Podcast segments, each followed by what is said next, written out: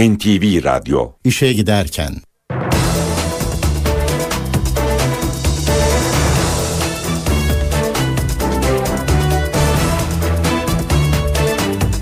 Mutlu sabahlar. Ben Aynur Altunkaş. Bugün 20 Eylül Perşembe işe giderkenle karşınızdayız.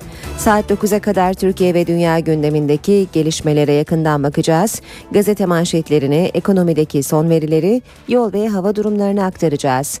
Önce gündemin başlıkları.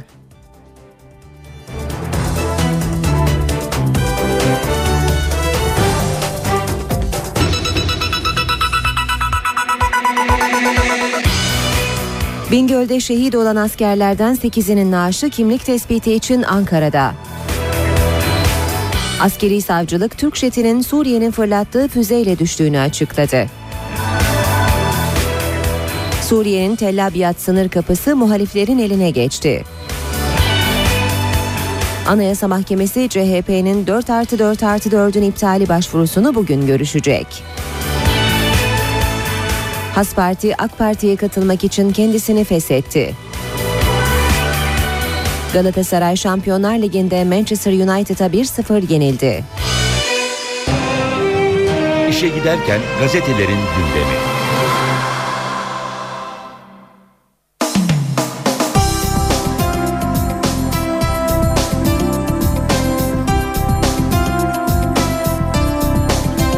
Basın özetlerine hürriyetle başlıyoruz. Lojmanda pusu diyor hürriyetin manşeti.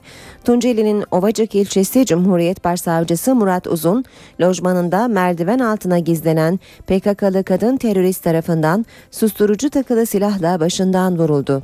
Başsavcı dün 12-15 sıralarında adliye binasından çıkıp korumasız olarak 150 metre mesafedeki konutuna gitti. Uzun 3 katlı adliye lojmanının ana kapısından içeri girdiği anda merdiven altından çıkan kadın terörist başına kurşun sıktı. Başsavcı kanlar içinde yere düşerken terörist binadan çıkıp gri renkli Doblo araçla uzaklaştı.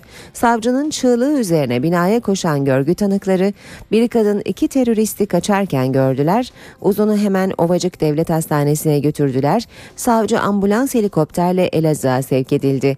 Duran kalbi helikopterde tekrar çalıştırıldı. Fırat Üniversitesi Hastanesi'ne yatırılan ve yoğun bakıma alınan Uzun'un durumu ciddi. Binada güvenlik yok deniyor haberde. Başsavcı uzuna ateş eden kadın PKK'lının hiçbir güvenliği bulunmayan binaya önceden girdiği, erkek teröristin de gözcülük yaptığı belirtildi. Uzuna ilk müdahale hastaneye götürülürken yapıldı. Hürriyette sürmanşet çiftlikten gelen çığlık. Aylardır tacize uğrayan küçük bir kız televizyondaki tecavüz sahnesini izlerken ağlamaya başlayınca korkunç sır açığa çıktı. Anne ve üvey babası İstanbul Arnavutköy'deki bir çiftlikte çalışan 9 yaşındaki NV, 72 yaşındaki çiftlik sahibi tarafından uzun süre taciz edildi. Küçük kız korkudan başına gelenleri kimseye anlatamadı ta ki bir televizyon dizisindeki tecavüz sahnesini görene kadar. Kayıplara karışan çiftlik sahibi HCA hakkında yakalama kararı çıkarıldı.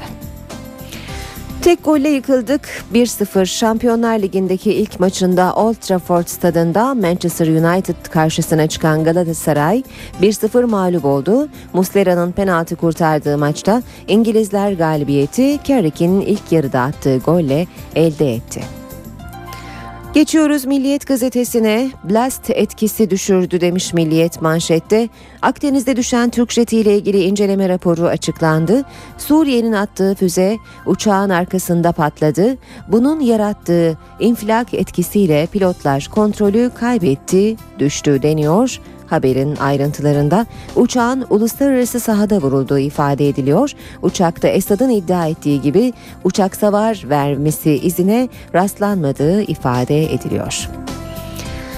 Bir diğer başlık milliyetten 1 milyon turiste ortak davet. Düne kadar turist çekmek için Türkiye'ye değil bize gelin diyen Atina, şimdi Çin ve Hint zenginleri ağırlamak için o bir ortaklık önerdi. Yunanistan'ın eski turizm bakanı daha çok turist çekebilmek için dünyaya Türkiye'yi unutun mesajı veriyordu. Şimdi ekonomik kriz ve kaos nedeniyle turist sayısı %30 azalan Atina, çareyi Türkiye'ye ortaklık önermekte buldu yeni bakan teklifini top heyetine iletti. Devam edelim basın özetlerine. Sırada Vatan Gazetesi var. Vatan Gazetesi'nde manşet iz bırakmayan Rus füzesi Genelkurmay 3 ay sonra açıkladı. F-4'ün sol arka tarafında patlayan Rus füzesinin yarattığı şok dalgası düşürmüş deniyor haberin ayrıntılarında. Devam ediyoruz. Yine Vatan Gazetesi'nden bir haber aktaralım. Allah'ım ne olur ölmesin. Tunceli Ovacık Başsavcısı Murat Uzun PKK'lı kadın terörist tarafından susturucu silahla vuruldu. Hemşire eşi böyle yalvardı deniyor haberin devamında. Geçelim Radikal gazetesine Oslo çıkışı misilleme demiş Radikal manşette. Oslo CHP'nin politikasından çok Erdoğan'a tepkidenmiş. Elimizi taşın altına koyarız diyen CHP, Kürt sorununda eskiye mi dönüyor? Haluk Koç Oslo çıkışının sebebini özetliyor. Başbakan çok sert konuşuyor. Koç'un çıkışının bir nedeni Erdoğan'ın internasyonelde CHP'nin PKK'yı destekleyen tavır aldığını söylemesi. Erdoğan'ın Hüseyin Aygün'ün PKK tarafından kaçırılmasına dair sözleri Oslo hamlesinin diğer nedeni. Haluk Koç'un çıkışı da esas itibarıyla Erdoğan'ın sert tavrının tabanda yarattığı hasarı tamir etmeyi amaçlıyor denmiş haberin ayrıntılarında. Uludere sonrası el uzattık başlığı var. CHP lideri Kılıçdaroğlu da Koç'la hemfikir. Uludere'den sonra başbakana olgunlukla el uzattık. Ne oldu? Her fırsatta CHP'yi terör örgütüyle alakalı göstermeye çalıştı. Oslo'dan çıkan belgeler uzun süredir elimizdeydi. Geçelim Sabah gazetesine. Sabahta bu çocuklara yazık değil mi manşeti var. Adana'da şafak vakti evlere baskın yapan polis uyuyan çocukların üstüne kurt köpeklerini saldı. Tam da yeni emniyet müdürü Gürkan'ın polislere vatandaşa nazik olun emri verdiği gün Adana hiç de nazik olmayan bir operasyona sahne oldu. Sabah 500 polisle 32 adrese yapılan uyuşturucu baskınında insan haklarını hiçe sayan görüntüler oluştu. Açılmayan kapıları koçbaşı ile kıran eden polisler narkotik köpeklerini uyuyan çocukların üstünden ve yanından geçirerek arama yaptı. O anda uyanan çocuklar başlarında köpekleri görünce büyük travma yaşadığı aileler isyan etti. Devam ediyoruz. Basın özetlerine sabahın ardından geçiyoruz Cumhuriyete. Mehmet'e gelince yok demiş Cumhuriyet. VIP alımlarına 540 milyon dolar ayrıldı. Asker taşıyacak helikopter projesi ise yıllardır bekliyor. İzinden dönen 10 askerini Bingöl-Muş karayolundaki terör saldırısında yitiren Türkiye, bu iş için üretilen 60 personel kapasiteli ağır yük helikopterlerine ilişkin projeyi 20 yıldır yaşama geçiremedi denmiş. Cumhuriyet'ten aktardık. Geçiyoruz Zaman Gazetesi'ne. Zamanda düşünce özgürlüğü sembolik şiddetin paravanı haline geldi. Başlığını manşette okuyoruz. Profesör Doktor Nilüfer Gölen'in açıklamaları var. Film provokasyonunun sosyolojisine anlatmış Profesör Göle. Yeni Şafak gazetesinde ise manşeti en güzel cevap. İslam'a hakaret içeren karikatürler ve filmlerle oluşturulmak istenen İslamofobiye Müslüman dünyası sanatla cevap verecek. Sivil toplum kuruluşları ve iş adamlarının desteğiyle peygamberimizin hayatı bir kez daha beyaz perdeye aktarılacak. 10 İslam aliminin danışmanlık yaptığı 450 milyon dolar bütçeli yapıma Yüzüklerin Efendisi'nin yapımcısı Barry Osborne da destek verecek. Akşam gazetesi var sırada. Kanlı pusula demiş akşam manşette. PKK yerel seçim için azdı. Yaz boyunca gelen ölüm haberleri Türkiye'yi sarstı. Şimdi herkes terör neden arttı sorusuna yanıt arıyor. İşte istihbarat masasındaki son analizler. PKK'nın hedefi gelecek sonbahardaki yerel seçim. Bunu kesmek için asker polis taktik değiştirdi. Artık hepsi sahada. Has Parti'ye kilit vuruldu. AK Parti'ye katılma kararı alan Has Parti olağanüstü kongrede kendini feshetti. Partinin kapatılmasına karşı çıkan Mehmet Bekeroğlu halkın sesi hareketini başlattıklarını açıkladı. Partilere siz beni bırakmadıkça ben de sizi bırakmayacağım diyen Numan Kurtulmuş ve kurmayları hafta sonu AK Parti rozeti takacak. Ve son olarak Habertürk gazetesine bakalım. Habertürk'te belki hala görüşülüyor manşetini görüyoruz. Başbakan yardımcısı Arınç, MİT PKK görüşmeleri için ihtiyaç olursa olur, belki de şu an görüşülüyor dedi.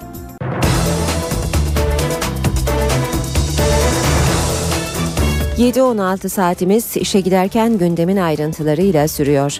Bingöl'de 10 askerin şehit olduğu saldırıyla ilgili ön rapor hazırlandı. Olayda teröristlerin 3 otobüsü birden hedef aldığı, çıkan çatışma nedeniyle teröristlerin diğer otobüslere ateş açma fırsatı bulamadan kaçtıkları belirtildi. Saldırıyla ilgili güvenlik zafiyeti var mı sorusuna da yanıt geldi.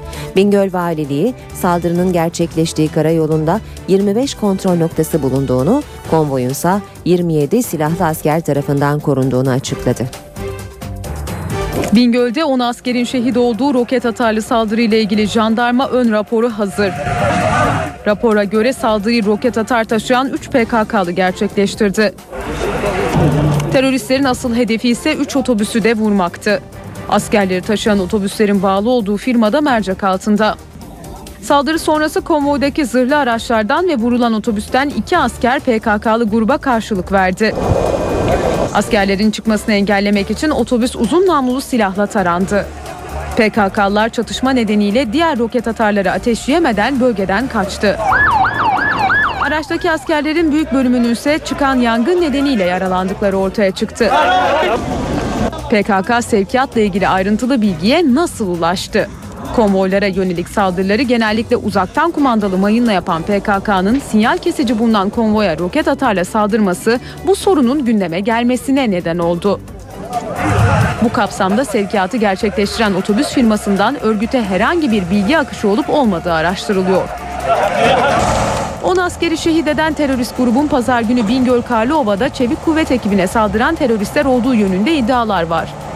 Suriyeli bir teröristin liderliğindeki grubun 7 kişiden oluştuğu tahmin ediliyor. Bingöl Valiliği olayda güvenlik zafiyeti mi var iddialarını yazılı bir açıklamayla yanıtladı. Saldırının gerçekleştiği karayolunun üzerinde 25 askeri kontrol noktası olduğu belirtildi. Konvoydaki 293 sivil askerin 27 silahlı asker tarafından korunduğu belirtildi. Öte yandan Jandarma Genel Komutanı Orgeneral Bekir Kalyoncu da bölgeye gitti. Saldırının yapıldığı yerleri inceleyen Kalyoncu bölgedeki askeri birlikleri de ziyaret etti. Bingöl'de askeri konvoyun hedef alındığı roketli saldırıda yaralanan askerlerden birinin kalbi doktorların müdahalesiyle çalışmıştı. Ancak o askerden de acı haber geldi. Şehit sayısı ona yükseldi. Şehitlerden biri dün Adıyaman'da toprağa verildi. 8 şehidin cenazesi ise DNA testi ve kimlik tespiti için Ankara'da. Bingöl'de teröristlerin roketli saldırısında şehit olan 10 askerden 8'i Malatya'daki otopsi işleminin ardından Ankara'ya gönderildi. Şehit askerler DNA testi ve kimlik tespiti için GATA ve Adalet Bakanlığı Adli Tıp Kurumu'na götürüldü. Saldırıda şehit düşen onbaşı Eren Kupalı'nın naaşı ise Malatya'da düzenlenen törenin ardından memleketi Adıyaman'a gönderildi. 22 yaşındaki şehit er Besni ilçesinde toprağa verildi. Saldırının ardından tedavi için Erzurum'a sevk edilen ağır yaralı er Mehmet Dildari'nin ölüm haberi de Niğde'deki baba ocağını yasa boğdu. 9 ay önce nişanlanan Dildari henüz 21 yaşındaydı. Topçu er Anıl Eruluç'un Manisa Salihli'deki baba evinde de büyük acı yaşanıyor. 22 yaşındaki Eruluç geçen hafta ailesini ziyaret etmişti. Saldırının şehitlerinden piyade er İdris Karakaşoğlu'nun Bayburt'un Akşar beldesindeki ailesine de kara haber ulaştı. Karakaşoğlu iki gün önce iznini tamamlamış ve birliğine dönmek üzere yola çıkmıştı. Bir buçuk yıllık evli olan asker 6 aylık bir kız çocuk babasıydı. Savaş Topal'ın şehit haberinin ardından İstanbul Esenyurt'taki baba ocağına ateş düştü. Şehidin oturduğu apartman Türk bayraklarıyla donatıldı. Vanlı asker Kayhan Karaman da saldırıda teröristlerin hedefindeki otobüsteydi. Şehidin ailesi acı haberle yasa boğuldu. Şehit haberi İzmirli jandarma er şehit Oğuz Kayabaş'ın ailesine de ulaştı. 5 ay önce Çukurca'da mayınlı saldırıda yaralanan ve tedavisinin ardından kendi isteğiyle birliğine dönen Kayabaş 21 yaşındaydı. Saldırının diğer şehitlerinden İzmirli asker Yusuf Vural'ın ailesi de yasta. Görev izniyle geldiği İzmir'den birliğine katılmak üzere yola çıkan 20 yaşındaki Vural saldırıda şehit oldu. Askeri konvoya düzenlenen saldırıda şehit olan Er Ahmet Aytekin 23 yaşındaydı. Şehidin Erzincan'ın Tercan ilçesine bağlı Kargın beldesindeki ailesine acı haberi askeri yetkililer verdi. Saldırının şehitlerinden Hasan Hüseyin Aydoğdu da 7 aylık askerdi. Aydoğdu 20 yaşındaydı. Tunceli'nin Ovacık ilçesi Cumhuriyet Başsavcısı Murat Uzun dün adliye lojmanları önünde silahlı saldırıya uğradı. Uzun'un durumu ağır. Saldırıyla ilgili 7 kişi gözaltında.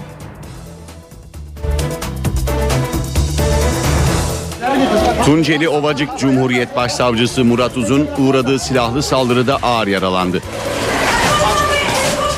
Saldırı ilçe çıkışında bulunan adliye lojmanlarında gerçekleşti. Adliyeden dönen başsavcı Murat Uzun, lojmana girdiği sırada susturucu takılmış bir silahla başından vuruldu. Ağır yaralanan başsavcı Ovacık Devlet Hastanesi'ne yapılan ilk müdahalenin ardından askeri helikopterle Elazığ'a sevk edildi. Yoğun bakımda tedavi altına alınan Uzun'un hayati tehlikesi sürüyor. Hayati riski yüksek. E, beyninden, e, kafatasından bir kurşun var ve kurşun hala kafatasının içinde. Gerekli tüm müdahaleler yapıldı ve yapılıyor. Başsavcının hemşire eşi Cihan Uzun saldırı haberini Tunceli şehir merkezindeyken aldı. İki terörist tarafından düzenlendiği tahmin edilen saldırının ardından Ovacık'ta operasyon başlatıldı. Polisin gözaltına aldığı 7 şüphelinin sorgusu sürüyor. İlçe çıkışında terk edilmiş halde bulunan bir otomobil ise Emniyet Müdürlüğü'ne çekildi. Uzmanlar otomobili inceliyor.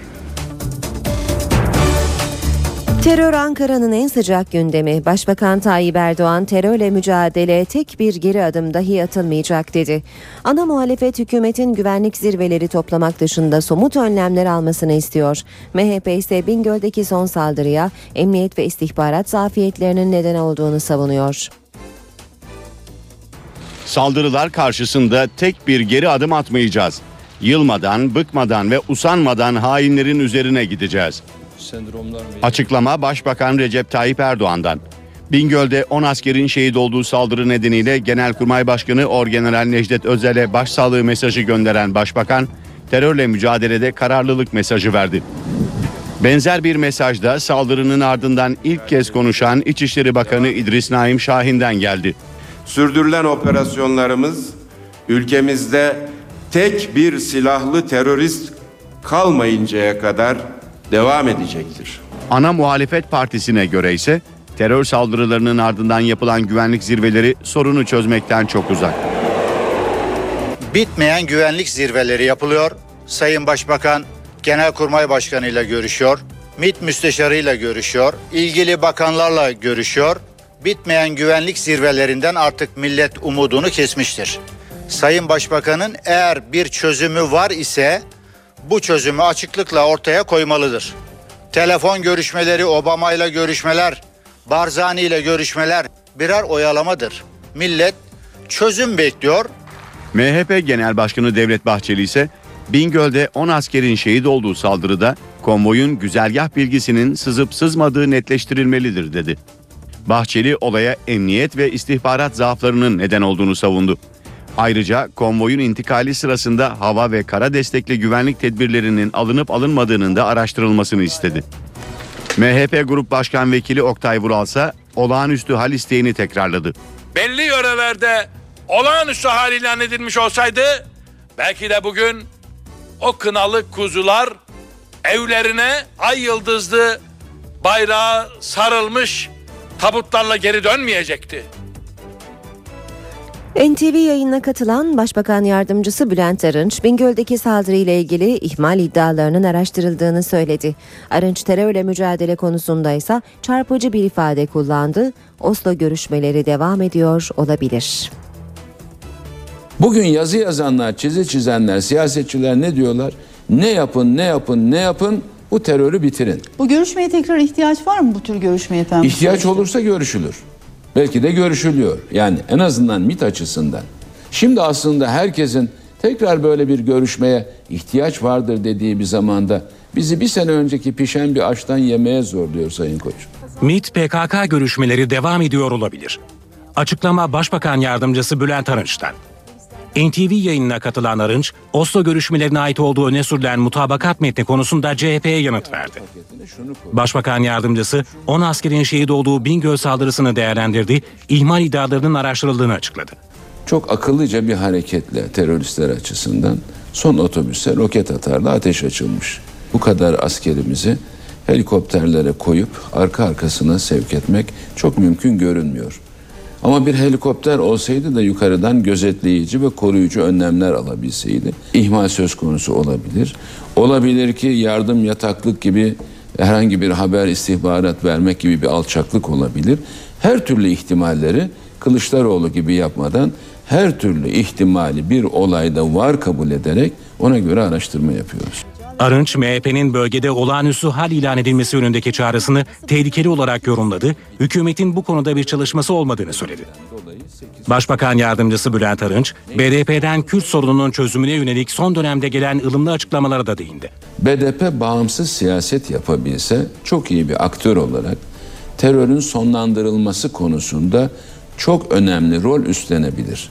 Ama ne var ki BDP PKK'dan bağımsız siyaset yapamıyor. Bireysel olarak ortaya çıkanlar olabilir. Ama BDP'nin hem manevi şahsiyeti hem de parti olarak varlığı bunu yapacak cesarette ve güçte değil. Arınç, PKK'larla buluşan BDP'li vekillerin dokunulmazlıklarının kaldırılmasından yana olmadığının sinyallerini verdi. PKK, BDP buluşması, koklaşması, öpüşmesini suç kabul ederek ondan dolayı dokunulmazlık kaldırmak ne kadar ciddi bir iştir? Ve sadece bundan dolayı kaldırırsanız diğer dosyalarından dolayı yargılama yapamayacağınıza göre neyi amaçladığınızı iyi düşünmeniz lazım.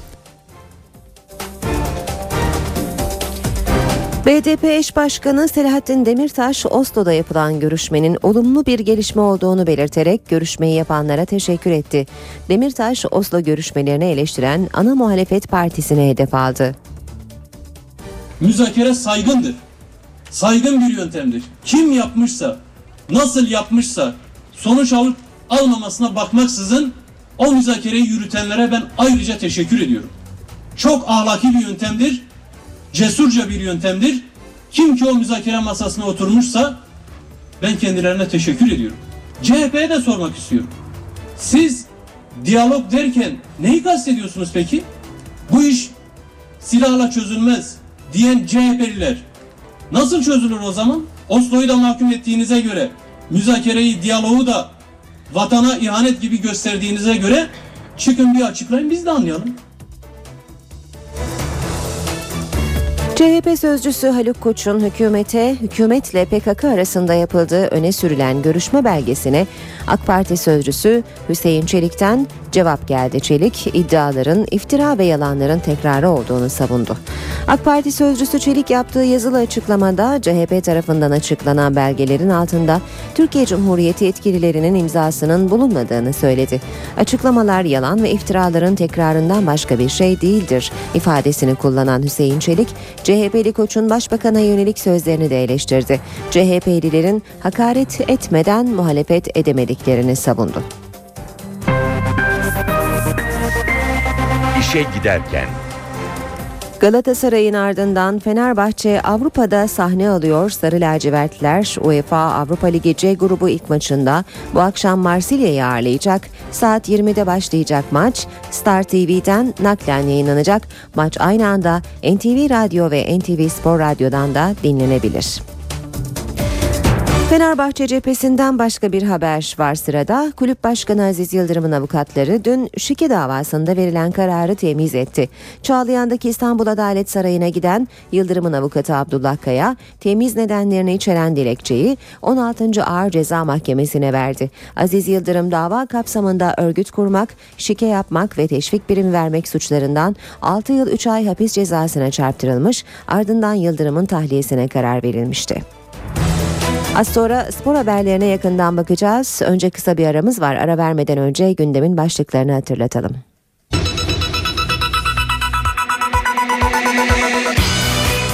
Bingöl'de şehit olan askerlerden 8'inin naaşı kimlik tespiti için Ankara'da. Askeri savcılık Türk jetinin Suriye'nin fırlattığı füzeyle düştüğünü açıkladı. Suriye'nin Tel Abyad sınır kapısı muhaliflerin eline geçti. Anayasa Mahkemesi CHP'nin 4 artı 4 artı 4'ün iptali başvurusunu bugün görüşecek. Has Parti AK Parti'ye katılmak için kendisini feshetti. Galatasaray Şampiyonlar Ligi'nde Manchester United'a 1-0 yenildi.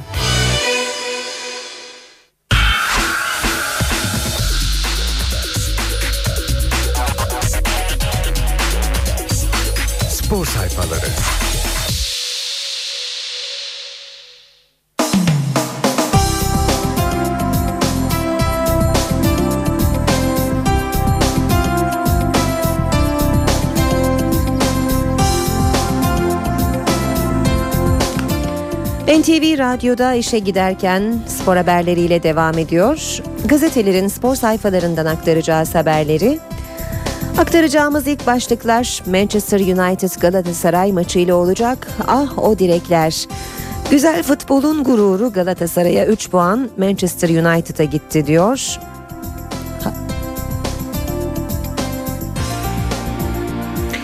Şampiyonlar Ligi'ne 6 yıl sonra Old Trafford'da dönen Cimbom, Amrabat, Hamit ve Selçuk'la 3 kez direğe takıldı. Carrick'in son e, Carrick'in maçın başındaki golü skoru belirledi. Muslera'nın Nani'nin penaltısını kurtarması puana yetmedi.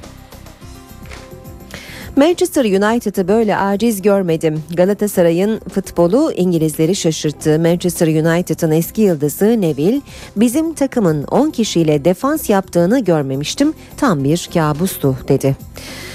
Galatasaray çok iyi bir takım. Manchester United Teknik Direktörü Alex Ferguson maç sonu ikinci yarı farkı daha da arttırabilirdik. Galatasaray kaliteli oyuncuları olan çok iyi bir takım yorumunu yaptı. Öte yandan İskoç teknik adam bu sonuçta Şampiyonlar Ligi'nde 100. galibiyetini aldı. Semih'i kaça verirsiniz? Ferguson maç sonunda Galatasaray yöneticisine bu soruyu sordurttu. İlk büyük maçında gözde oldu. Sıcağı sıcağına transfer sohbeti diyor Hürriyet gazetesi. Scott, e, Sir Semih'in bonservisini sizden öğrenmemi istedi diye soruyor. Dürüstse bedeli yok. Bizim en önemli oyuncularımızdan biri karşılığını veriyor. Chris neden yok? Fatih Terim ve yöneticilerin Şampiyonlar Ligi'nde faydalanılacağını söylediği Chris'in yedek kalması herkesi şaşırttı. Devam edelim Hürriyet gazetesinden haberler aktarmaya.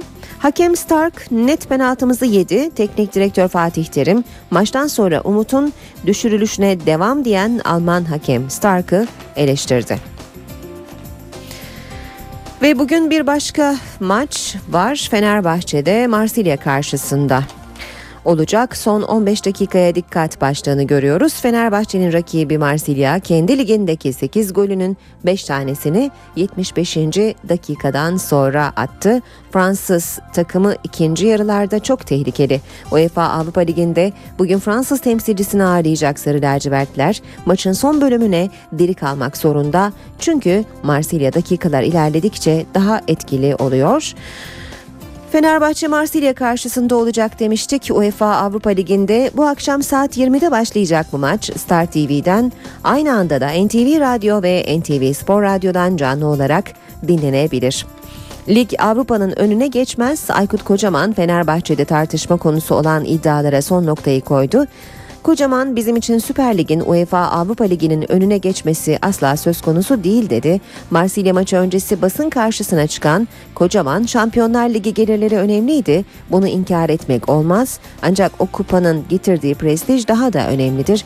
Biz şimdi UEFA Avrupa Ligi'nde gücümüz nereye kadar yeterse kupaya asılmaya çalışacağız. Zor bir periyot olacak diye konuştu. Şike'den yalan makinesiyle temize çıktı. Malezyalılar kornerden gelen topu içeri tokatlayan kalecinin şike yapıp yapmadığını ilginç bir yöntemle tespit etti denmiş bu haberde de. Dünyayı sallayan sevinç başlığı var. Real Madrid teknik direktörü Jose Mourinho'nun sevincine en ağır yorum Portekiz'den geldi. Mourinho'nun Manchester City maçında 8 bin dolarlık takım elbisesiyle çimlerde kayması iki gündür en çok konuşulan spor olaylarından biri oldu. Ağır işçi Kuarejma başlıklı haberi de aktaralım. Dün sabah tesislere gelen Portekizli hiç ummadığı bir uygulamayla karşılaştı. Beşiktaşlı oyuncuya bir kez daha istenmediği belirtildi. Ardından zorunlu çalışma programı verildi. Bu programın sadece 3 aylık ve üstelik günde çift idman şeklinde olması dikkat çekti. Spor haberleri aktarmaya Milliyet Gazetesi ile devam edelim. Milliyetten okuyacağımız ilk başlık Hay aksi şeytan. Galatasaray iki penaltısının verilmediği, üç kez direği geçemediği, puanı hak ettiği geceyi boş geçti. Sarı kırmızılı takım Şampiyonlar Ligi ilk sınavına dengeli başladı. Umut'a yapılan penaltılık hareketin şokunu atlatmadan Kerik'in golüyle ağları sarsıldı. Cimbom çabuk toparlandı. Amrabat ve Hamit'le direği sarstı. İkinci 45'te de temsilcimiz gol için asıldı. Selçuk'un kafa şutu direğe çarptı. Nani'nin penaltısını Muslera kurtardı. Aydın'a yapılan penaltılık faulü Alman hakem yine atladı. 3 puanı ev sahibi kaptı.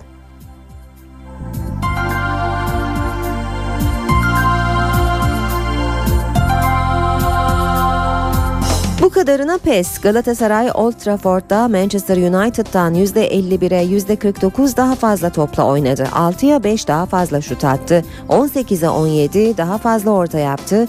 3 kez direğe takıldı ama golü bir türlü bulamadı diyerek de özetlemiş maçın pozisyonlarını Hürriyet haberinde.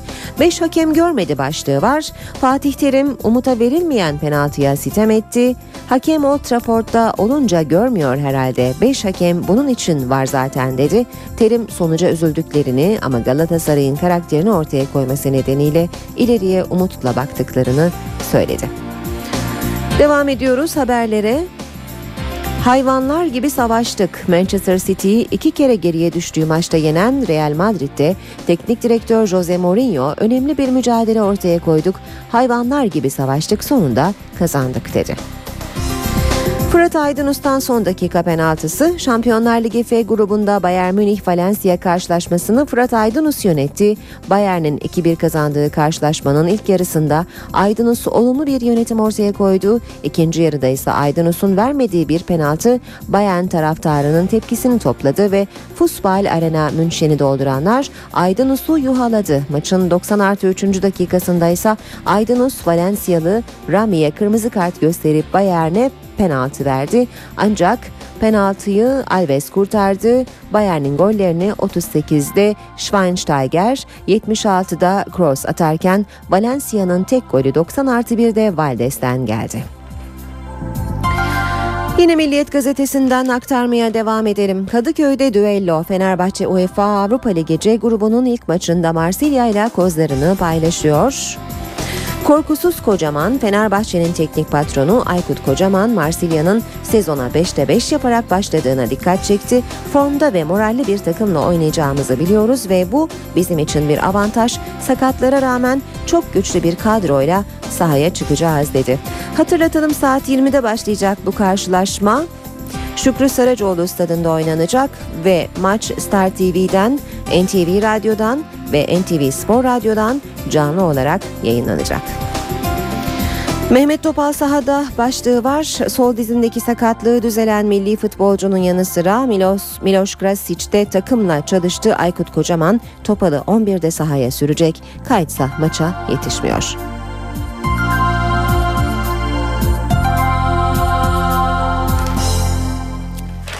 Fernandez'in varisi Oğuzhan başlığını görüyoruz. Beşiktaş Teknik Direktörü Samet Aybaba, Oğuzhan Özyakup'u Portekizli yıldız futbolcunun yerine hazırlıyor. Aybaba, Oğuzhan şimdi yerini dolduramaz ama bir sene sonra yeni Fernandez olur diye konuştu.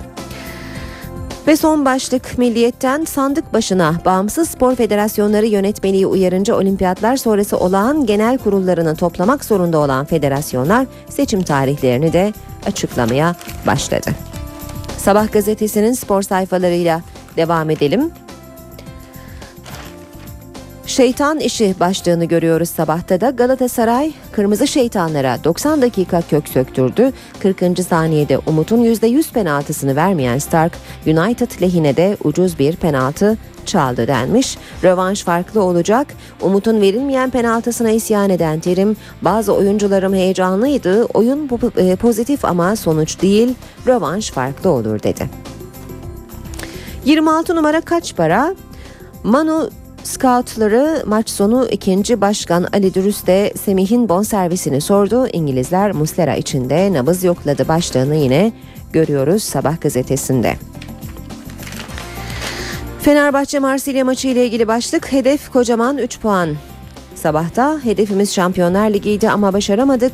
Marsilya karşısında alınacak bir galibiyet bize çok büyük bir avantaj sağlar ancak zor bir maç olacak diyor Fenerbahçe teknik direktörü. Kendi sahasında taraftarının desteğiyle biraz daha büyüyen bir takımımız var. Evimizde oynamanın avantajını en iyi şekilde kullanacağız.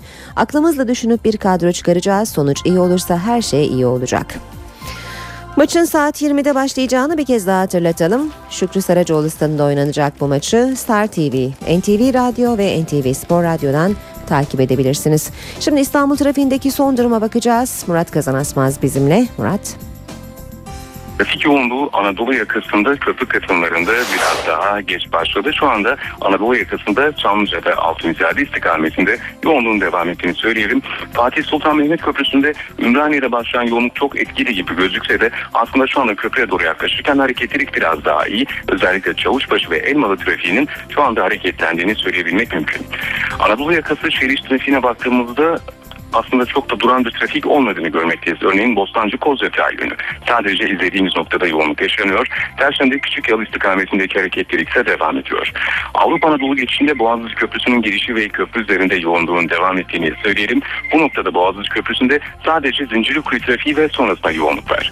Çağlayan trafiği az önce Boğaziçi Köprüsü'nün çıkışında yoğundu. Çünkü bu noktada bir kaza vardı. Kaza kaldırıldı. Ok Meydanı Darülacı istikameti Haliç Köprüsü yönündeydi kaza. Şu ana baktığımızda trafiğin bu noktada açıldığını görmekteyiz.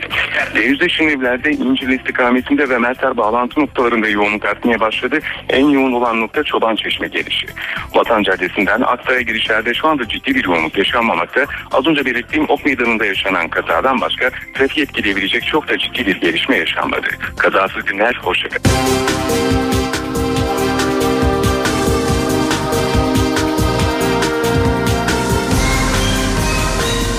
İşe giderken Şanlıurfa'nın Suriye'ye açılan Akçakale sınır kapısının karşısındaki Tel Abyad'da çatışmalar dün gün boyu devam etti. İlçe merkezi ve bazı köylerde eğitim yapılmadı. Tel Abyad sınır kapısı da muhaliflerin eline geçti. Suriye'nin Türkiye sınırındaki Tel Abyad sınır kapısında muhaliflerle Suriye ordusu arasında çatışmalar yoğunlaşarak devam ediyor. İkinci gününe giren çatışmalarda Tel Abyad sınırı muhaliflerin eline geçti. Kapıya yakın mesafedeki Akçakale'de ise tedirgin bekleyiş sürüyor. Çatışmalarda Tel Abyad sınır kapısındaki gümrük binası yoğun ateş altına alındı. Çatışmalar sonucunda Özgür Suriye Ordusu askerleri sınır kapısının kontrolünü ele geçirdi. Muhalifler Suriye bayrağını indirerek Özgür Suriye bayrağı astı. Çatışmalarda 30'u Esad'a bağlı birliklerden olmak üzere toplam 36 asker yaşamını yitirdi.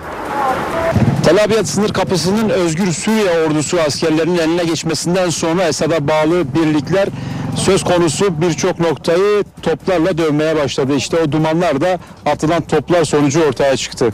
Çatışma seslerinin duyulduğu Akçakale'de ise güvenlik önlemleri artırıldı. Bölgede eğitime bir gün ara verildi. Yetkililer halkı evlerinin çatılarına çıkmamaları ve sınıra yakın yerlere gitmemeleri konusunda bir kez daha uyardı. Çatışmaların ilk gününde Akçakale'deki bazı evlere kurşun isabet etmesi sonucu yaralanan 3 kişinin tedavisi de sürüyor. Çatışmalarda yaralanan Suriyelilerse sınırdan geçirilerek Akçakale Devlet Hastanesi'nde tedavi altına alındı. Suriye açıklarında Türk jetinin düşüş sebebini Genelkurmay Askeri Savcılığı açıkladı. Açıklamaya göre uçağın düşmesine Suriye'nin fırlattığı füze neden oldu. Füze uçağın sol arka tarafında patladı ve yarattığı şok dalgası uçağın kontrolden çıkmasına yol açtı. Suriye füzesi Türk jetinin sol arkasında patladı, jet düştü. Blast etkisi yani füzenin uçağın yakınında patlamasının oluşturduğu şok, ısı ve elektromanyetik dalga Türk jetinin düşmesine neden oldu.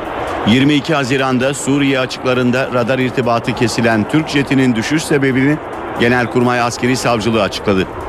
Askeri savcılığın açıklamasında Suriye tarafından atılan füzenin uçağın sol arka tarafında patlayarak blast etkisi yaratması sonucunda düştüğü kanaatine varılmıştır ifadesi kullanıldı. Açıklamaya göre füze patlamasının yarattığı basınç nedeniyle uçak sola doğru irtifa kaybetti. Sola hafif yatarak burun yukarı pozisyonda suya çarptı. Açıklamada ayrıca düşürülen askeri uçağın radar ikaz alıcısı kayıtlarında yapılan inceleme sonucunda füze yayınlarından sinyal alındığının tespit edildiği de belirtildi. Suriye makamları olayın ardından Türk jetinin uçak savar bataryalarından açılan ateş sonucu düşürüldüğünü iddia etmişti. Genelkurmay Askeri Savcılığı uçak parçalarında uçak savar mermisi hasarına rastlanmadığını da açıkladı. Uçağın enkazı üzerinde yapılan çalışmada teknik arıza bulunduğuna ilişkin bir tespit de yapılamadı. Açıklamada ayrıca uçağın 7400 metre irtifada ve 30 knot süratte Suriye sınırına paralel uçarken soldan ani dönüşle irtifa kaybettiği ve saat 11.57'de Suriye kıta sahasına 8.6 deniz mili mesafede düştüğünün altı çizildi. Şu saat itibariyle füzeyle de vurulduğu öne çıkıyor diyebiliriz. Evet. İpucunu askeri savcılığın açıklamasından dakikalar önce NTV yayınında Başbakan Yardımcısı Bülent Arınç verdi. Bizim o günden itibaren iddia ettiğimiz hususlar tamamen gerçekleşti. Birleşmiş Milletler ve Arap Birliği'nin Suriye özel temsilcisi Lakhdar Brahimi Suriye konusunda karamsar konuştu. Brahimi Suriye'deki çatışmanın yayılma riskine ve bunun bölgenin güvenliği için büyük tehdit olduğuna dikkat çekti.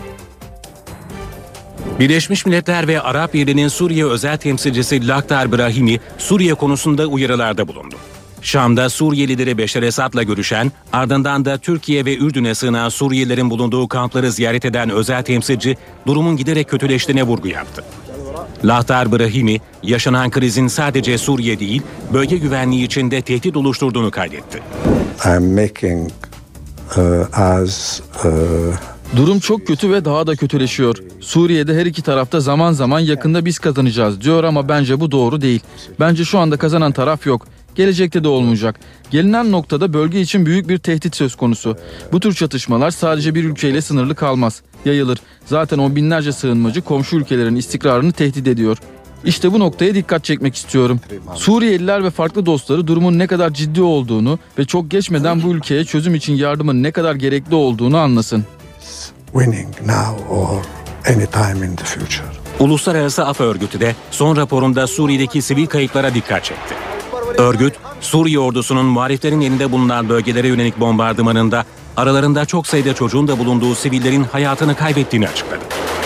Muhaliflerin de yerleşim yerlerinde dikkatsizce silah kullandığını belirten örgüt, Özgür Suriye ordusunun uzun menzilli silahlar elde etmesi sivil kayıpları artırabilir uyarısında bulundu. NTV Radyo'da işe giderken de birlikteyiz. Sırada hava durumu var. NTV Meteoroloji evinden merhaba. Serin ve yağışlı hava kuzey kesimlerdeki etkisini sürdürüyor. Batı ve iç kesimlerde sıcaklıklar 2-3 derece azaldı. Yarın Trakya'dan başlayarak hava daha da serinleyecek ama önümüzdeki hafta sert Poyraz'a rağmen sıcaklıkların yeniden yükselmesini bekliyoruz. Bugün için batı ve kuzey kesimlerde rüzgar oldukça zayıf. O bakımdan hava genellikle ılık olacak. İç kesimlerde gündüz sıcaklıkları birkaç derece azalırken Orta ve Doğu Karadeniz'de yine kısa süreli yağışlar var. Doğuda da sıcaklıklar ortalama değerlerine inmeye başladı. Bugün Karadeniz boyunca yağış aralıklarla devam ederken akşama doğru Edirne ve Kırklareli'nden başlayarak Trakya yeni bir yağışlı havanın etkisine girecek. Yarın Marmara'da hava serinlerken Trakya'da yağış giderek etkisini kaybedecek ama Marmara'nın doğusu, Batı ve Orta Karadeniz'de sağanaklar devam edecek. Cumartesi günü Doğu Karadeniz'de sağanakların daha da kuvvetlenmesini bekliyoruz. Bölgelerin bu ilk durumuna baktığımız zaman gün içinde Trakya'da bulutlanma artacak ve Edirne ve civarında kısa sürede olsa yağışlar başlayacak. Ama Marmara'nın güneyinde gün içinde hava genellikle parçalı bulutlu. Çanakkale, Balıkesir, Bursa, Sakarya boyunca parçalı bulutlu bir hava olacak. Ege'de sıcaklıklarda birkaç derecelik azalışlar, İzmir'e ve Mola'da açık bir hava görülürken Mola'da sıcaklık 29 derece olacak. Kütahya, Afyon, Karahisar, Denizli'de ise hava açık az bulutlu. Isparta, Antalya arasında parçalı bulutlu bir hava görülürken Mersin'de hava açık. Adana'da da hava açık az bulutlu olacak ve sıcaklık 32 derece. Ankara parçalı bulutlu, zamanla bulutlanma artacak. Eskişehir parçalı bulutlu. Konya'da da parçalı bulutlu hava görülürken Niğde, Kayseri, Sivas boyunca açık az bulutlu bir hava olacak. Zonguldak yağmurlu, Bolu çok bulutlu, Samsun'da çok bulutlu bir hava var. Trabzon'da da gün içinde hafif yağışlar bekliyoruz. Malatya Erzurum arasında hava açık. Erzurum'da sıcaklık 24 derece. Kars açık az bulutlu. Manakkari boyunca da hava açık olacak. Gaziantep, Adıyaman, Diyarbakır, Şanlıurfa, Mardin'de açık az bulutlu bir hava görülürken Gaziantep'te sıcaklık 30 derece olacak. İstanbul'da bugün hava daha sıcak ve parçalı bulutlu. Rüzgar hafif ve sıcaklık gündüz 28, gece ise 18 derece inecek. Bu gece yeniden yağmur bekliyoruz. Ankara parçalı bulutlu ve sıcaklık biraz azaldı. 28 derece olacak. Gece ise 15 derece olarak ölçülecek. İzmir'de rüzgar zayıf hava açık sıcaklık gündüz 30 gece ise 19 derece olacak. Yarın havanın daha serinlemesini bekliyoruz. İşe giderken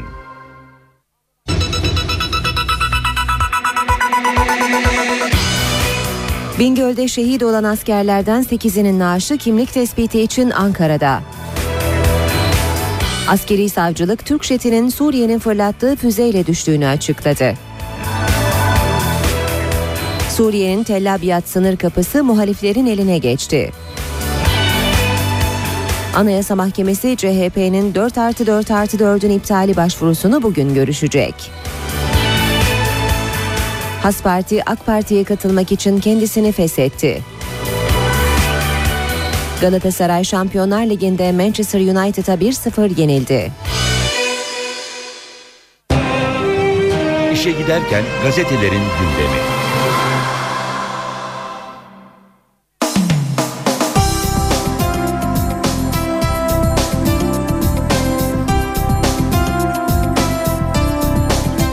Basın özetlerine Hürriyet gazetesiyle başlıyoruz bu bölümde. Lojmanda pusu diyor Hürriyet'in manşeti.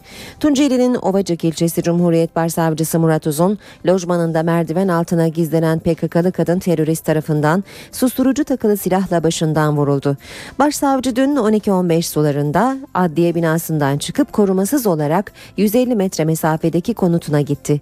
Uzun 3 katlı adliye lojmanının ana kapısından içeri girdiği anda merdiven altından çıkan kadın terörist başına kurşun sıktı. Başsavcı kanlar içinde yere düşerken terörist binadan çıkıp gri renkli Doblo araçla uzaklaştı.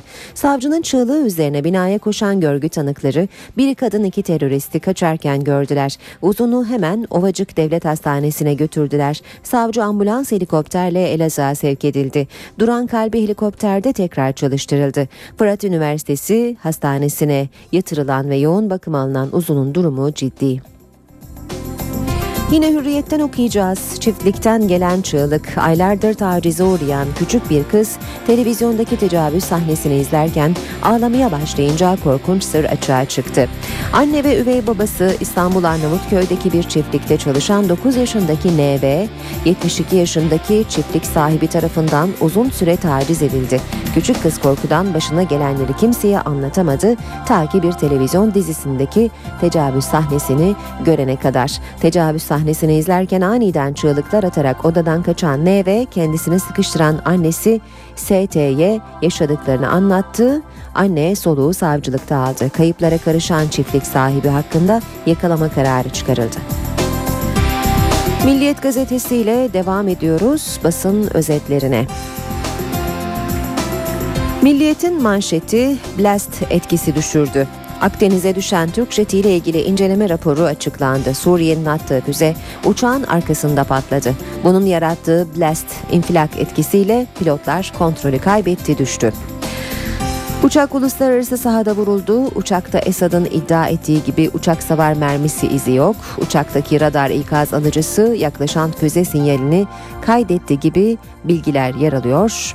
Genelkurmay'ın açıklamasında. Milliyetten bir başka başlık çok yazık 1-0. Galatasaray Şampiyonlar Ligi'ndeki ilk sınavında Manchester United'ı salladı ama yıkamadı. Aslan Old Trafford'da 1-0 yenilirken oynadığı futbolla bu sonucu hiç hak etmedi. Manchester United'dan %51'e %49 daha fazla topla oynayan, 6'ya 5 daha fazla şut atan, 18'e 17 daha fazla orta yapan Cimbom, 3 kez direğe takıldı. İkinci yarıda kusursuz oynayan Sarı Kırmızılılar hak ettiği golü bir türlü bulamadı. Yine milliyetten okuyacağız. Avrupa Birliği'ni telaş sardı. Nereye gidiyoruz? Ekonomik kriz ve artan ırkçılıkla savaşan Avrupa yarınını sorguluyor.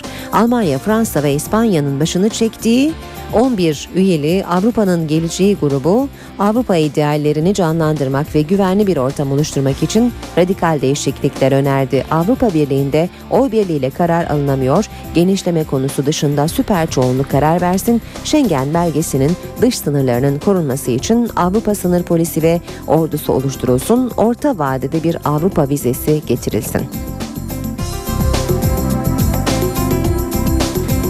Geçiyoruz Vatan Gazetesi'ne. Vatandan aktaracağımız ilk haber manşette. İz bırakmayan Rus füzesi. Genelkurmay 3 ay sonra açıkladı. F-4'ün sol arka tarafında patlayan Rus füzesinin yarattığı şok dalgası uçağı düşürmüş. Yine Vatan Gazetesi'nden aktaracağız. Gel de şaşma. Malatya'da linç edilmek istenen Alevi aile için 14 yıl olayları başlatan davulcu ve evi taşlayan 48 kişiye ise tahrik var diye 6,5 yıl ceza istendi deniyor haberin ayrıntılarında. Sabah gazetesiyle devam edelim. Bu çocuklara yazık değil mi? Adana'da şafak vakti evlere baskın yapan polis uyuyan çocukların üstüne kurt köpeklerini saldı. Tam da yeni emniyet müdürü Gürkan e, Gürkan'ın polislere vatandaşa nazik olun emri verdiği gün Adana hiç de nazik olmayan bir operasyona sahne oldu. Sabah 500 polisle 32 adrese yapılan uyuşturucu baskınında insan haklarını hiçe sayan görüntüler oluştu. Açılmayan kapıları koç başıyla kıran polisler narkotik köpeklerini uyuyan çocukların üstünden ve yanından geçirerek arama yaptı. O anda uyanan çocuklar başlarında köpekleri görünce büyük travma yaşadı. Basın özetlerinde sırayı Akşam Gazetesi alıyor. Akşam gazetesinde manşet kanlı pusula. PKK yerel seçim için azdı. Yaz boyunca gelen ölüm haberleri Türkiye'yi sarstı. Şimdi herkes terör neden arttı sorusuna yanıt arıyor. İşte istihbarat masasındaki son analizler. PKK'nın hedefi gelecek sonbahardaki yerel seçim. Bunu kesmek için asker polis taktik değiştirdi. Artık hepsi sahada. Akçakale tam siper. Şanlıurfa'nın Suriye sınırına 300 metre mesafedeki Akçakale ilçesinde kabus gecesi. Tel Abyad kentinde ordu ile muhalifler arasındaki çatışma sınırı aştı. Kurşunlar Türkiye tarafındaki binalara isabet edince okullarda eğitime ara verildi. Cumhuriyet Gazetesi ile devam edelim basın özetlerine. Mehmet'e gelince yok diyor Cumhuriyet manşette. VIP alımlarına 540 milyon dolar ayrıldı. Asker taşıyacak helikopter projesi ise yıllardır bekliyor. İzinden dönen 10 askerini Bingöl-Muş karayolundaki terör saldırısında yitiren Türkiye, bu iş için üretilen 60 personel kapasiteli ağır yük helikopterlerine ilişkin projeyi 20 yıldır yaşama geçirmedi. Buna karşın Cumhurbaşkanı, Başbakan, Genelkurmay Başkanı ve bakanlara VIP uçak ve helikopter alımı için 2009-2012 yılları arasında 540 milyon dolar kaynak ayrıldı. Bir başka haber sıkı yönetimden beter başlığını taşıyor. Hukukçular Balbay Özkan ve Perinçe'ye duruşmalardan men cezasının keyfi bir uygulama olduğu görüşünde. Mahkemenin verdiği kararın ceza hukukunun temel kurallarına aykırı olduğunu belirten ceza hukukçusu Profesör Timur Demirbaş, sıkı yönetim mahkemelerinde dahi bu tür uygulamaların olmadığını vurguladı. Geçiyoruz Habertürk gazetesine.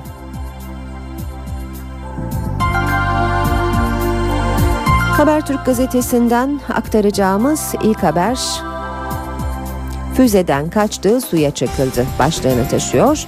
Askeri savcılık Suriye'nin düşürdüğü F-4'ün raporunu açıkladı. Uluslararası sularda düşürüldü. Uçak savar izi yok. Füze yakıtı izi var. Bir başka başlık kredi masrafı zaferi 815 lira iade edildi. Turgutlu'da öğretmen Ufuk Ağoğlu bankadan konut kredisi aldı, faiz düşünce borcunu yeniden yapılandırdı, banka 500 lira istedi diye devam eden haberin ayrıntılarında Ufuk Ağoğlu'nun hukuk mücadelesini kazanmasına ilişkin ayrıntıları görüyoruz. Ucuz mont çaldı diye ceza yok başlığı var. 70 liralık mont çalan için hakim pahalısı vardı ama almadı diyerek ceza vermedi. Habertürk'ün manşeti ise belki hala görüşülüyor. Arınç'ın Oslo sürprizi. Başbakan Yardımcısı Bülent Arınç'ın dün NTV'ye yaptığı açıklamalardan bir başlığı görüyoruz. Başbakan Yardımcısı Arınç, MİT PKK görüşmeleri için ihtiyaç olursa olur belki de şu an görüşülüyor dedi. Zaman gazetesine bakalım. Zaman gazetesinden aktaracağımız haber gazetenin manşetinde düşünce özgürlüğü sembolik şiddetin paravanı haline geldi. Profesör Doktor Nilüfer Göle film provokasyonunun sosyolojisini anlatmış. Değerlere hakaret ifade özgürlüğü müdür? İslam toplumları neden göz göre göre gelen bu provokasyonu fark edemiyor? Nilüfer Göle bu sorular ışığında Batı ve İslam'ın karşılaştığı alanlarda ortaya çıkan sorunları değerlendirmiş düşünce özgürlüğünün sembolik şiddetin paravanı haline geldiğini ifade etmiş Göle. Has Parti'nin kendini feshetmesiyle ilgili haberi zamanda da görüyoruz. Has Parti kongresinden kapanma kararı çıktı. Başlığıyla yer almış Zaman gazetesinde haber. Son olarak da Yeni Şafak'a bakalım. En güzel cevap başlığını görüyoruz. Manşette İslam'a hakaret içeren karikatürler ve filmlerle oluşturulmak istenen İslamofobiye Müslüman dünyası sanatla cevap verecek. Sivil toplum kuruluşları ve iş adamlarının desteğiyle Peygamberimizin hayatı bir kez daha beyaz perdeye aktarılacak. 10 İslam aliminin danışmanlık yaptığı 450 milyon dolar bütçeli yapıma Yüzüklerin Efendisi'nin yapımcısı Barry Osborne da destek verecek.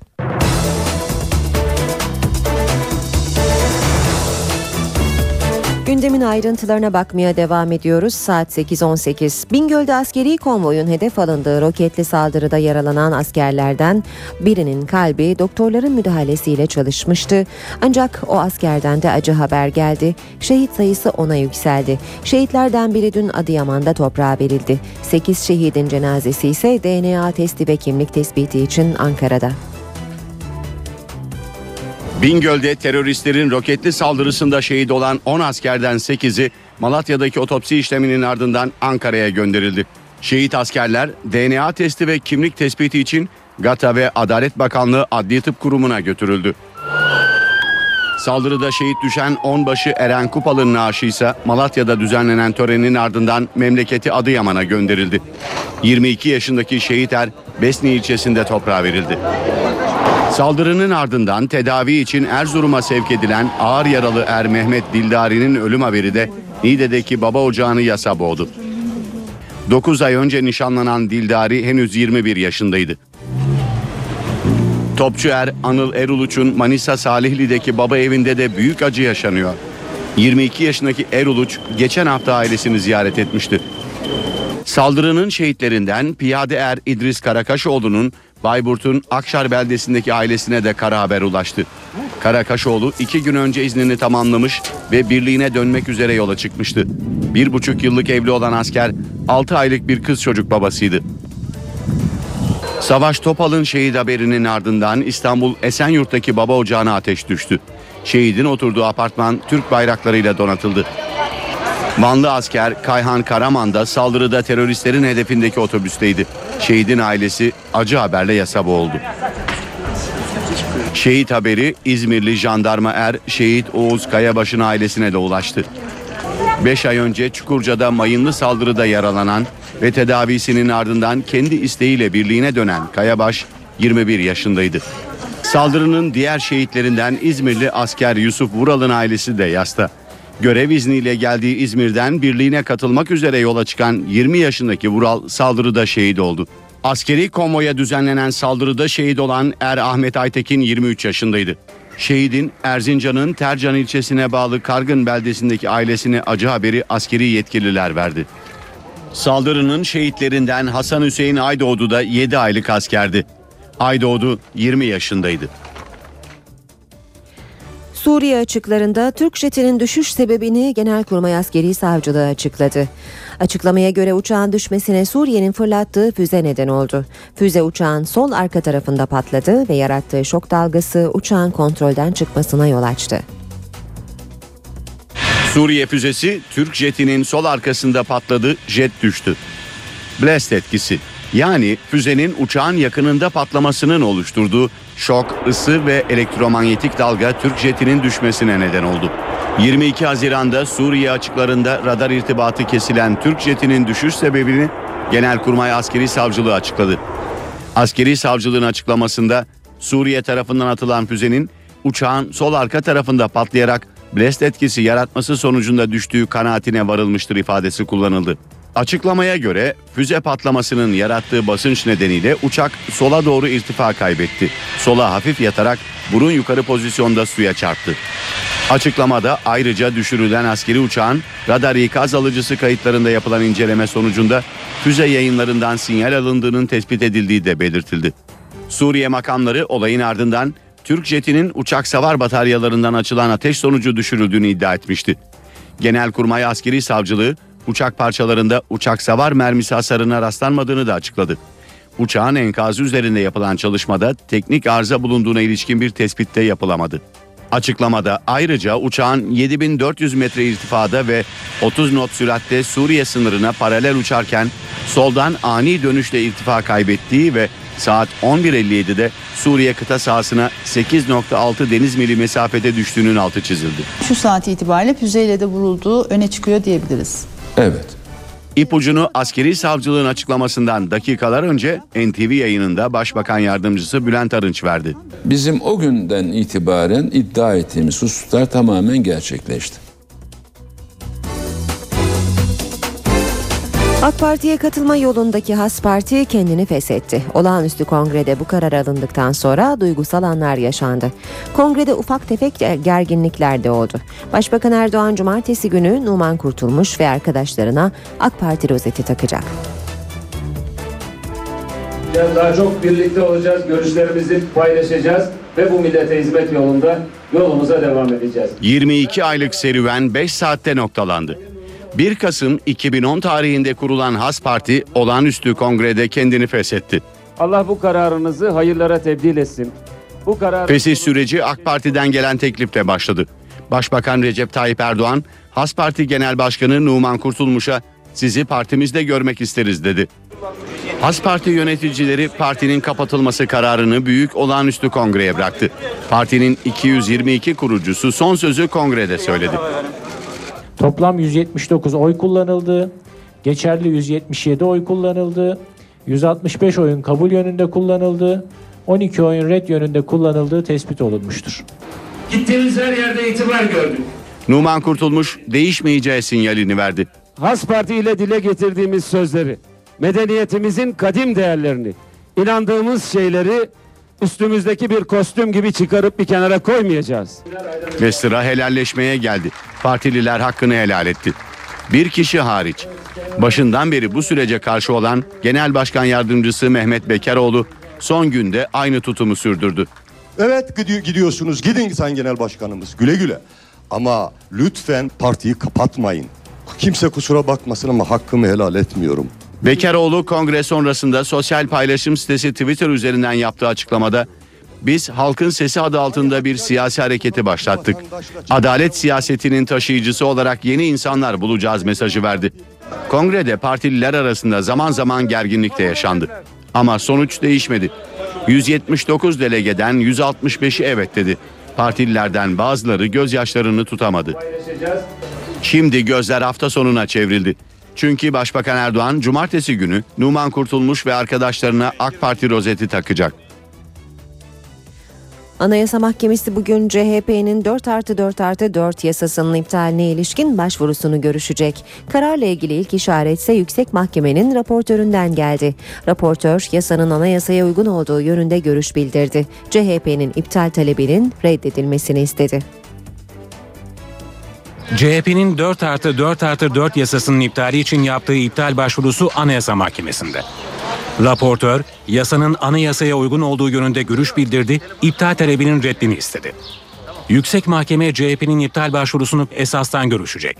Çıkabilecek karara ilişkin ilk ipucuysa Anayasa Mahkemesi raportörünün raporunda yer aldı. Raportör, 4 artı 4 artı 4 yasasının anayasadaki laik ve sosyal hukuk devleti, eğitim öğretim hakkı ve eşitlik ilkelerine uygun olduğu yönünde rapor hazırladı. Davaya ilişkin Milli Eğitim Bakanlığı'ndan da görüş alındı. Bakanlık, mahkemeye gönderdiği kapsamlı görüş yazısında sistemin evrensel ilkelere uygun olduğunu savundu. Yüksek Mahkeme CHP'nin kanundaki ilkokula başlama yaşının erkene çekilmesi, zorunlu eğitimin 4 artı 4 artı 4 olarak kademeli hale getirilmesi ve ortaokulların ilkokullarla veya liselerle birlikte kurulabilmesi hükümlerinin iptaliyle ilgili taleplerini görüşecek. Ayrıca İmam Hatip ortaokullarının açılması, müfredata seçmeni olarak Kur'an-ı Kerim ve Hz. Muhammed'in hayatı derslerinin eklenmesi ve kanunda Hz. Peygamberimiz ifadesinin geçmesiyle ilgili hükümlerin iptali de Anayasa Mahkemesi'nin gündeminde olacak. Şarkı şeklinde istiyorum. İlk olarak raportörün raporu okunacak. Ardından üyelerin görüşleri alınarak oylamaya geçilecek. Ankara gündemi. Başkent gündeminin ayrıntılarını NTV muhabiri Özden Erkuş aktarıyor. Başkent Ankara'dan bugün özellikle şehit yakınlarının gözü kulağı Adli Tıp Kurumu'nda ve Gülhane Askeri Tıp Akademisi'nde olacak. Bingöl'de askeri konvoya düzenlenen saldırıda 10 asker şehit olmuştu. Bu 10 askerden 8'inin cenazesi dün öğle saatlerinde Ankara'ya getirildi. 6'sı Adli Tıp Kurumu'na götürüldü. İkisi ise Gülhane Askeri Tıp Akademisi'nde Ankara'ya getirilmelerinin sebepleri DNA testi ve kimlik tespit çalışmaları. Dünden itibaren bu çalışmalar başladı. Bazı aileler kan ve doku örneklerini verdiler. Karşılaştırmalı testler yapılacak, DNA'lar tespit edilecek. Ardından da kimlik tespiti yapıldıktan sonra da şehit cenazelerinin ailelerine teslim edilmesi bekleniyor. Bu işlemin doing tıpkı Afyon'da olduğu gibi Afyon'daki şehit e, cenazelerin kimliklerinin tespitinde olduğu gibi birkaç gün sürmesi bekleniyor. Ancak e, daha önce olduğu gibi bir hafta değil daha kısa süre içerisinde bu işlemin bitirilebileceği belirtiliyor yetkililer tarafından özellikle şehit yakınları Adli Tıp Kurumu'ndan gelecek haberi dikkatle takip edecekler e, ve elbette üzüntüyle. 22 Haziran'da kalktığı hava üssüyle irtibatı kesilen Türk keşif uçağı Aref 4E'nin nasıl düştüğüne ilişkin dün Genelkurmay Askeri Savcılığı ayrıntılı bir açıklama yaptı. Uçağın Suriye Hava Savunma Sistemi tarafından fırlatılan bir füzenin yarattığı blast etkisi sonucu kontrolü yitirmesiyle suya çakıldığına ilişkin kanaat belirtildi. Bu açıklamada yine uçak enkazında Suriye makamlarının iddialarının aksine herhangi bir şekilde uçak savar mermisi hasarına rastlanmadığı belirtildi. İşte tüm bu açıklamalar ve buna ilişkin yansımalarda bugün başkent Ankara'da dikkatle takip edilecek. Hem yurt içinde siyasilerden gelecek açıklamalar hem de yurt dışından uluslararası anlamda gelecek açıklamalarda yine dikkatle takip edilecek. Bugün başkent Ankara'da okullar açıldı. 4 artı 4 artı 4 sistemi yürürlükte ama Anayasa Mahkemesi'nde gündeminde olacak. Bugün Anayasa Mahkemesi Cumhuriyet Halk Partisi'nin 4 artı 4 artı 4 yasasının iptaline ilişkin yaptığı başvuruyu bugün esastan görüşecek. Çıkacak karara yönelik ilk ipucuysa Anayasa Mahkemesi raportöründen geldi. Raportör yasanın anayasadaki layık ve sosyal hukuk devleti, eğitim öğrenim hakkı ve eşitlik ilkelerine uygun olduğu yönünde rapor hazırladı. CHP'nin iptal taleplerinin reddedilmesi gerektiği yönünde görüş bildirdi. Anayasa Mahkemesi'nin tek mesaisi 4 artı 4 artı 4 yasası olmayacak. CHP'nin afet riski altındaki alanların dönüştürülmesi hakkında kanun, hukuk uyuşmazlıklarında arabuluculuk, arabuluculuk kanunu, turist rehberliği meslek kanunu, kamu denetçiliği kurumu kanunu, Türkiye İnsan Hakları Kurumu kanunu, Avrupa Birliği Bakanlığı'nın teşkilat ve görevleri hakkında kanun hükmünde kararname, Orman ve Su İşleri Bakanlığı'nın teşkilat ve görevleri hakkında kanun hükmünde kararnamenin bazı hükümlerinin iptali istemiyle yaptığı başvurulara da karar verecek oldukça yoğun bir mesaisi olacak bugün Anayasa Mahkemesi'nin başkent Ankara'da gündemin ada başlıkları bu şekilde olacak. Günün en önemli olayları.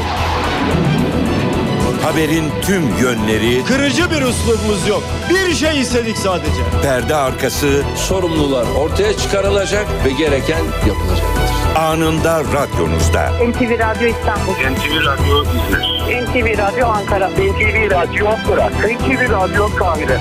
NTV Radyo. Habere ulaşmanın en kolay yolu. 8.31 saat. Ben Aynur Altunkaş. İşe giderken de birlikteyiz. Gündemin başlıklarını hatırlayalım ardından piyasalara bakacağız.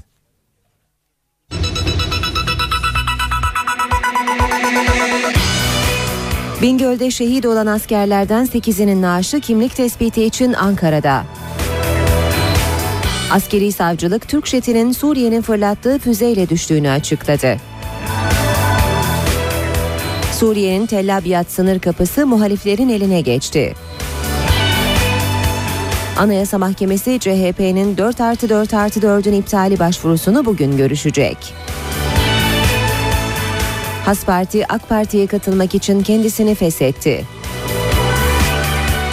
Galatasaray Şampiyonlar Ligi'nde Manchester United'a 1-0 yenildi.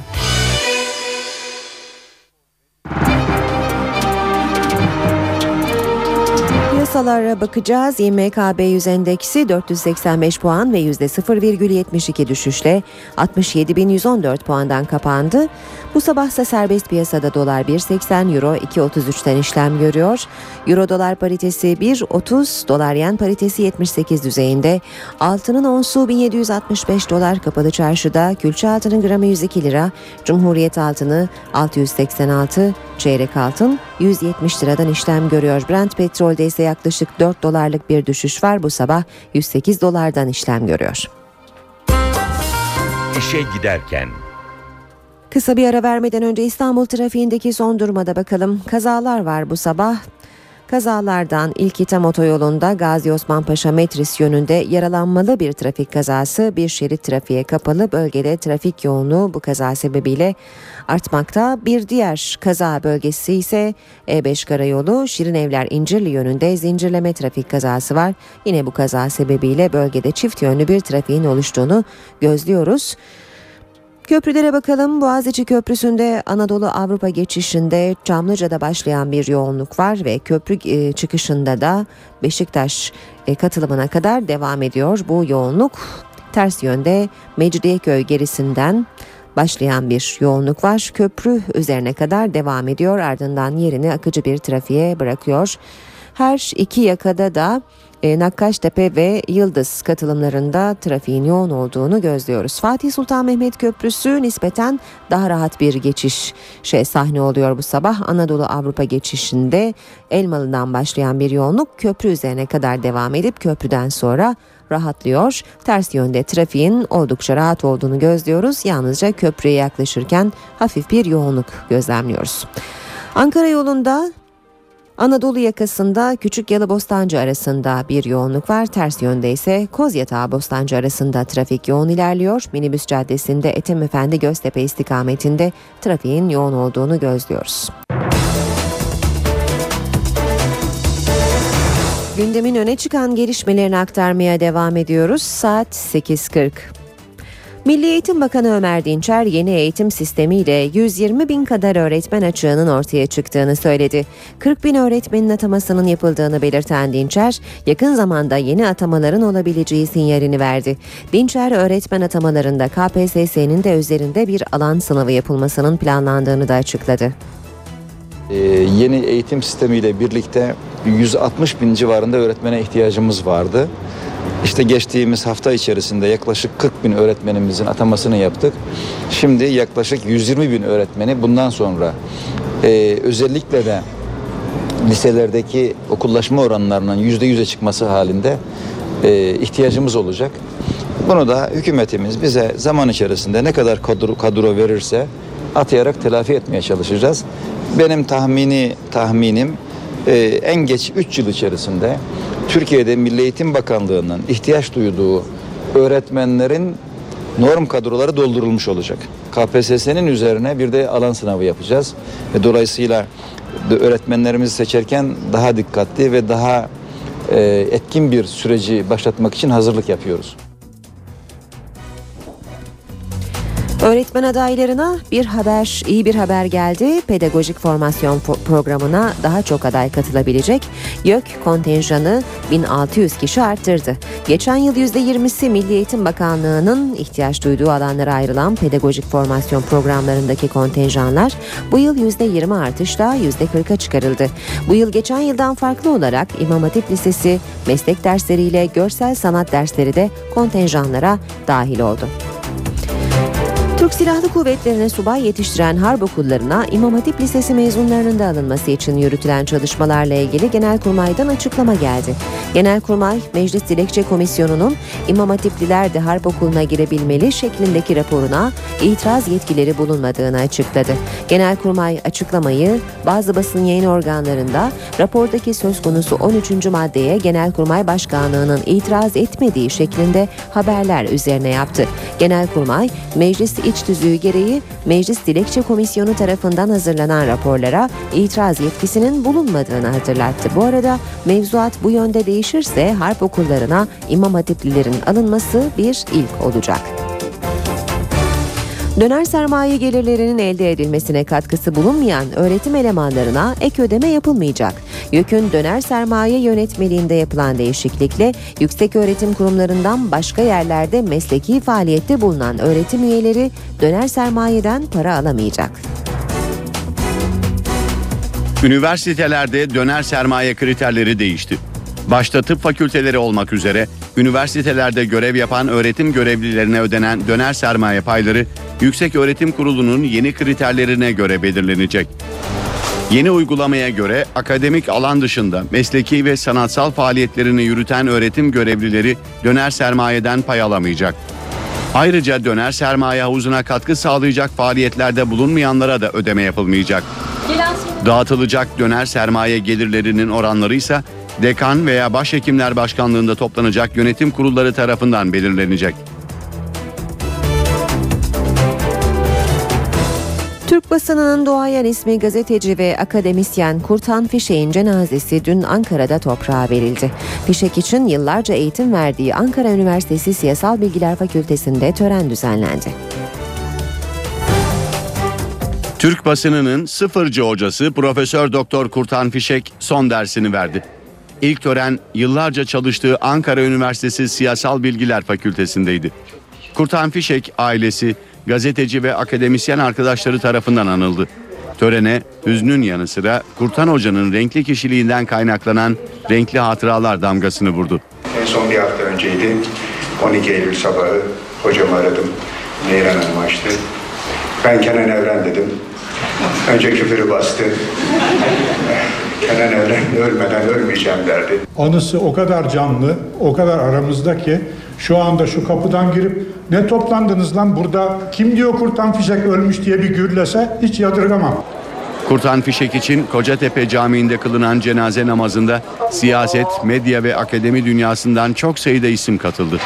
Şurada dolaşsanız kimle konuşursanız konuşun herkes size güzel bir anısını anlatır. Onun küfürlerini anlatır ama anıları anlatır. Bu kadar gülümsenerek hatırlanan, bu kadar iz bırakarak hatırlanan çok az insan vardır sanıyorum. Şahane bir insandı. Herkesin arkadaşıydı. Gazetedeki ofis boyun da arkadaşıydı. Gazetenin patronunun da arkadaşıydı. Büyük bir kayıp. Türk basınının sıfırcı hocası Kurtan Fişek, Cebeci Asri Mezarlığı'nda toprağa verildi. Ankara Çankaya'da otobüs durağına giren bir otomobil 5'i ağır 15 kişinin yaralanmasına neden oldu. Yaralılara ilk müdahaleyi çevredeki vatandaşlar yaptı. Kaza dün akşam saatlerinde Çankaya Celal Bayar Bulvarı üzerinde meydana geldi. Bir otomobil yağmur nedeniyle kayganlaşan yolda duramayarak ters istikamete döndü. Sıhhiye Köprüsü üzerindeki kaldırıma çıkan araç otobüs durağına girdi. Yağmur dolayısıyla araba kaydı süratli geliyordu zaten. Hani şu kısımları arabayı şey, çarptıktan sonra döndü. Hani durağa girdi direkt. 25-30 kişi vardı. En az bir 15 yarım falan var. Ben ucuz kurtuldum. Önümden geçtim. Yaralılar çevredeki vatandaşların yardımıyla kaldırıma yatırıldı. İlk yardım müdahalesi yapıldı. Yaralılar daha sonra sağlık ekipleri tarafından çevredeki hastanelere kaldırıldı. Kaza nedeniyle Celal Bayar Bulvarı'nda trafik bir süre kontrollü verildi. Sağlık Bakanlığı sempati atağına hazırlanıyor. Bakanlığa bağlı hastanelerde hastalarla birebir iletişim kuran personelin giysilerinde sizin için varız, yalnız değilsiniz, bana sorabilirsiniz gibi yazılar bulunacak. Amaçsa hastaların ve hasta yakınlarının gerginliğini azaltmak. Sağlık görevlileri daha sempatik olacak, üniformalarında sizin için varız yazacak. Hedef hastaların ve hasta yakınlarının gerginliğini azaltmak. Sağlık Bakanlığı hastanelerdeki ağır, olumsuz havayı yumuşatmak için yeni bir genelge yayınladı. Genelgeye göre hastalarla birebir iletişim kuran personelin üniformalarında bizim için değerlisiniz, sizin için buradayız gibi ifadeler yer alacak. Ayrıca hastaların görebileceği noktalarda üzerinde sağlığınız için doğru yerdesiniz. Geçmiş olsun gibi mesajlar içeren panolar asılacak. Proje kapsamında danışma, kayıt, numune kabul gibi servislerde hastalarla çalışanlar arasındaki yüksek banko, cam ekran, pencere ve bariyerlerde kaldırılacak. Bu düzenlemelerin yapılması için hastanelere 15 Ekim tarihine kadar süre tanındı. İstanbul'a hizmet veren 112 Ambulans Komuta Merkezi yeni binasına taşındı. Ayrıca filosuna 52 yeni ambulans daha kattı. Yeni filoda obezite hastaları için dizayn edilen ambulansın yanı sıra aynı anda 4 hastaya hizmet verebilen özel bir ambulans da var. İstanbul'a hizmet veren 112 Ambulans Komuta Merkezi filosunu ve binasını yeniledi. İstiyoruz ki İstanbulluya bugün ortalama 8-9 dakika içerisinde ulaştığımız bu mesafeyi daha kısa bir süreye getirelim ve vatandaşımız sağlık noktasında devletini, sağlık teşkilatını her an yanında hissedebilsin. Alınan 52 yeni araçla İstanbul'a hizmet veren ambulans sayısı 244'e yükseldi. 1300 hasta taşıyoruz her gün için İstanbul'da. İstanbul'un trafik şartları, ulaşım dikkate alındığında açıkçası oldukça yüksek bir tempo ile çalışan insan grubu. %90'a yakın hastamıza 10 dakikanın altında ulaşabiliyoruz. Yeni ambulans komuta merkezinde seyir halindeki ambulansların nerelerde oldukları, hasta taşıyıp taşımadıkları da özel ekranla takip ediliyor. Ancak 112 acil telefon hattına gelen asılsız çağrılar hala büyük sorun. Yetkililer günde yaklaşık 40 bin çağrı geldiğini ve bunların ortalama 1200'ünün gerçek olduğunu söylüyor. Programımızı kapatmadan önce bugün de günün önemli gelişmelerine kısaca göz atalım. En sıcak gündem maddesi son günlerde olduğu gibi bugün de terör. Bingöl'de hafta sonu gerçekleşen saldırının ardından şehit sayısı dün 10'a yükseldi. Şehitlerin naaşları kimlik tespiti için hala Ankara'da. Ayrıca dün Tunceli'nin Ovacık ilçesi Cumhuriyet Başsavcısı Murat Uzun silahlı saldırıya uğradı. Savcının durumunun ağır olduğu biliniyor. Terörle ilgili son olayların ardından dün NTV yayınına konuk olan Başbakan Yardımcısı Bülent Arınç, Oslo görüşmelerinin hala sürüyor olabileceğini söylemişti. Suriye ile ilgili ayrıntılar da dikkat çekici. Yaklaşık 3 ay önce Suriye yakınlarında düşürülen Türk jeti ile ilgili bir gelişme var. Askeri savcılık uçağın düşmesine Suriye'nin fırlattığı füzenin neden olduğunu açıkladı. Uçağın sol arka tarafında patlayan füzenin yarattığı şok dalgası uçağın düşmesine yol açtı. Suriye'de bunun yanı sıra Akçakale sınır kapısı yakınlarında çatışmalar dün gün boyu devam etti. Türkiye tarafına kurşun isabet etmesi sonucu bölgede yaralananlar olmuştu. Özgür Suriye ordusu Akçakale karşısında bulunan Tel Abyad kapısını ele geçirdi. Ve bugün Anayasa Mahkemesi'nde CHP'nin 4 artı 4 artı 4 kademeli eğitim sisteminin iptali için yaptığı başvuru görüşülecek. Yüksek Mahkeme CHP'nin iptal başvurusunu esasdan görüşecek. Bir de spor haberi aktaralım. Fenerbahçe UEFA Avrupa Ligi'nde Marsilya ile saat 20'de Şükrü Saracoğlu stadında karşılaşacak. Star TV, NTV Radyo ve NTV Spor Radyo'dan maç takip edilebilir. Saat başında yeniden karşınızda olacağız. Ben Aynur Altunkaş. Mutlu günler diliyorum. Hoşçakalın. NTV Radyo